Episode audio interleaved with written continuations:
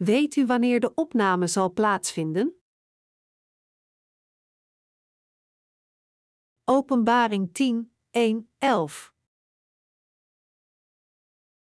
En ik zag een andere sterke engel, afkomende van den hemel, die bekleed was met een wolk, en een regenboog was boven zijn hoofd, en zijn aangezicht was als de zon, en zijn voeten waren als pilaren van vuur.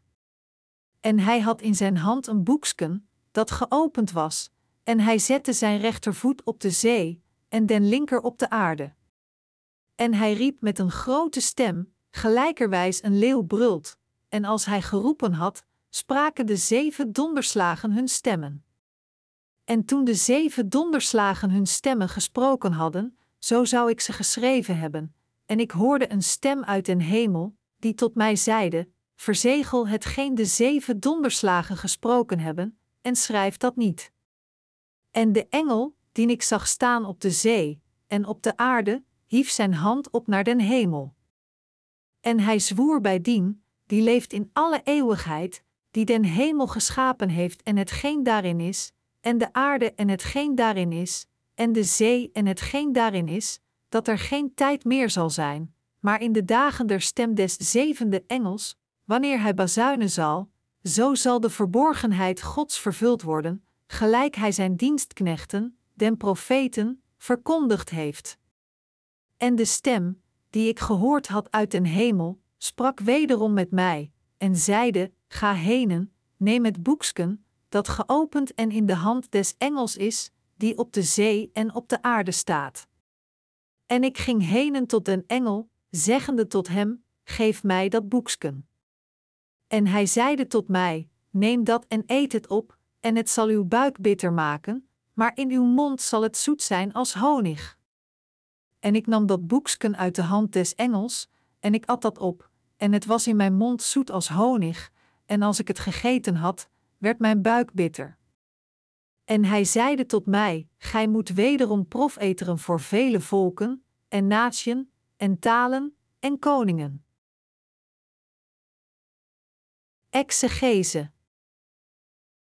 Het hoogtepunt van dit hoofdstuk staat in vers 7, maar in de dagen der stem des zevende engels, wanneer hij bazuinen zal, zo zal de verborgenheid Gods vervuld worden, gelijk hij zijn dienstknechten, den profeten, verkondigd heeft. Met andere woorden, de opname zal op dit moment gebeuren. Vers 1: En ik zag een andere sterke engel, afkomende van den hemel, die bekleed was met een wolk, en een regenboog was boven zijn hoofd, en zijn aangezicht was als de zon, en zijn voeten waren als pilaren van vuur. De machtige engel die in hoofdstuk 10 verschijnt, is Gods uitvoerder die zal toezien op zijn toekomstige werken. Deze engel verschijnt om aan te tonen hoe groot Gods verhevenheid en macht is. Tevens laat het zien dat God de zeeën van deze wereld zal vernietigen en de heiligen zal doen herrijzen en opnemen in de hemel. Vers 2-3 En hij had in zijn hand een boeksken, dat geopend was, en hij zette zijn rechtervoet op de zee, en den linker op de aarde. En hij riep met een grote stem, gelijkerwijs een leeuw brult, en als hij geroepen had, spraken de zeven donderslagen hun stemmen. God doet alles volgens zijn plannen. Hij zal zowel het land als de zee vernietigen op de laatste dag.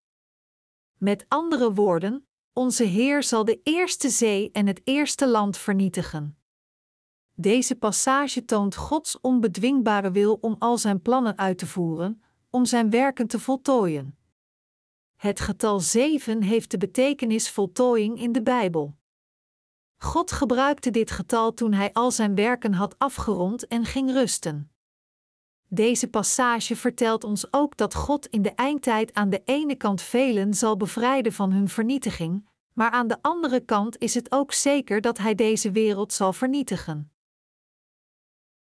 Vers 4: En toen de zeven donderslagen hun stemmen gesproken hadden, zo zou ik ze geschreven hebben, en ik hoorde een stem uit den hemel, die tot mij zeide: Verzegel hetgeen de zeven donderslagen gesproken hebben, en schrijf dat niet. Om de opname van de Heilige verborgen te houden voor diegenen die niet zullen worden gered, beval God Johannes niets neer te schrijven van wat de zeven donderslagen spraken.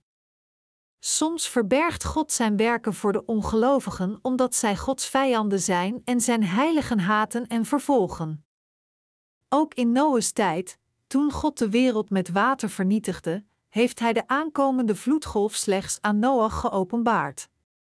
Zelfs nu God het evangelie van het water en de geest over de hele wereld predikt, zal het koninkrijk van de hemel aan iedereen die erin gelooft gegeven worden. Maar behalve aan hen die het ware geloof hebben, heeft hij aan niemand anders geopenbaard wanneer de opname zal plaatsvinden. Voor de rechtschapenen heeft God een nieuwe wereld gecreëerd in zijn koninkrijk, en hij verlangt ernaar om daar met hen te leven. Vers 5, 6 En de engel, die ik zag staan op de zee en op de aarde, hief zijn hand op naar den hemel. En hij zwoer bij dien, die leeft in alle eeuwigheid, die den hemel geschapen heeft en hetgeen daarin is, en de aarde en hetgeen daarin is, en de zee en hetgeen daarin is, dat er geen tijd meer zal zijn, al deze dingen kunnen in Gods naam gezworen worden, want de laatste eed voor alles wordt niet gedaan in eigen naam, maar in naam van iemand grootser. Zo is God de laatste garantie voor zowel de heiligen in de eindtijd als voor degenen die reeds zijn heiligen zijn.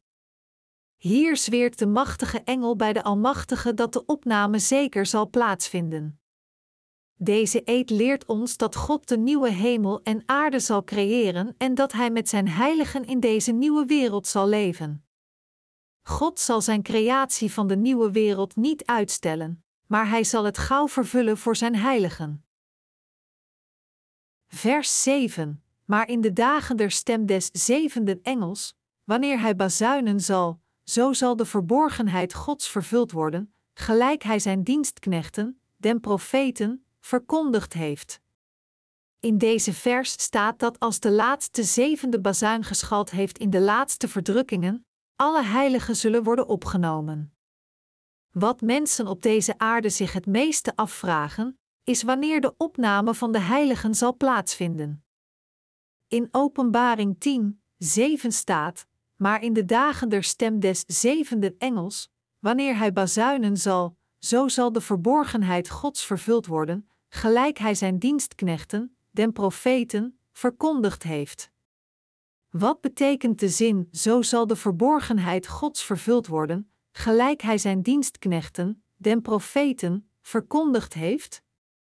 Het betekent dat de opname van de heilige zeker zal plaatsvinden bij het klinken van de zevende bazuin, net zoals het evangelie van het water en de geest het ware evangelie is, net zoals iedereen die hierin gelooft een zoenoffer en de Heilige Geest in zijn slash haar hart ontvangt. Wanneer de plaag van de zesde van de zeven bazuinen voorbij is, zullen de heilige martelaars worden wanneer de antichrist, die verschenen is in deze wereld en zijn heerschappij erover heeft gevestigd, iedereen beveelt het teken van het beest te ontvangen. Kort daarop, wanneer de zevende engel zijn bazuin laat klinken, zullen zowel de martelaars en de overlevende heiligen die hun geloof verdedigden, op hetzelfde moment herrijzen en opgenomen worden. Dan zal de laatste plaag van de zeven violen beginnen, de laatste plaag voor de mensheid. Op dat moment bevinden de heiligen zich niet meer op aarde, maar zijn zij na hun opname in de hemel bij de Heer. De heiligen moeten weten dat de opname zal plaatsvinden wanneer de zevende engel de laatste bazuin doet klinken. Ook de apostel Paulus vertelt ons in 1 Thessalonicense 4 dat de Heer uit de hemel zal neerdalen met de klank van de bazuin van de aartsengel. Veel christenen denken dat de Heer op aarde zal neerdalen wanneer de opname zal gebeuren, maar dit is niet het geval. Wanneer de opname plaatsvindt, zal onze Heer niet op aarde, maar naar de lucht neerdalen. Hij vervult de opname door de heiligen op te heffen en ze te ontvangen in de lucht. De christenen die foutief denken dat de Heer naar deze aarde zal neerdalen tijdens de opname van de ware heiligen, moeten deze foutieve gedachten opzij zetten en weten dat de opname van de heiligen zal plaatsvinden wanneer de zevende engel zijn bazuin laat klinken. zo zal de verborgenheid Gods vervuld worden, gelijk Hij zijn dienstknechten, den profeten, verkondigd heeft. U moet zich realiseren dat Gods mysterie hier verwijst naar de opname van de heiligen dat zal plaatsvinden bij het klinken van de plaag van de zevende bazuin. In het kort, God vernietigt de eerste wereld en sticht dan de tweede. Hier zal God verblijven en wonen met degenen die wedergeboren zijn door in het evangelie van het water en de geest te geloven terwijl ze op deze aarde waren, en ook om trouw al de beloftes te volbrengen die de Almachtige maakte ten opzicht van zijn volk. Dit is de wil van God, Hij die het hele universum schiep, die Hij in zichzelf plaatste voor de heiligen. Wanneer de engel de zevende bazuin laat klinken, zullen de plagen van de zeven bazuinen voorbij zijn en de laatste plagen van de zeven violen zullen ingeleid worden. Het woord deelt ons mee, in de dagen der stem des zevende engels, wanneer hij bazuinen zal, zo zal de verborgenheid Gods vervuld worden, gelijk hij zijn dienstknechten, den profeten, verkondigd heeft. Gods mysterie houdt hierin dat de heiligen opgenomen zullen worden onder het geluid van de bazuin van de zevende engel.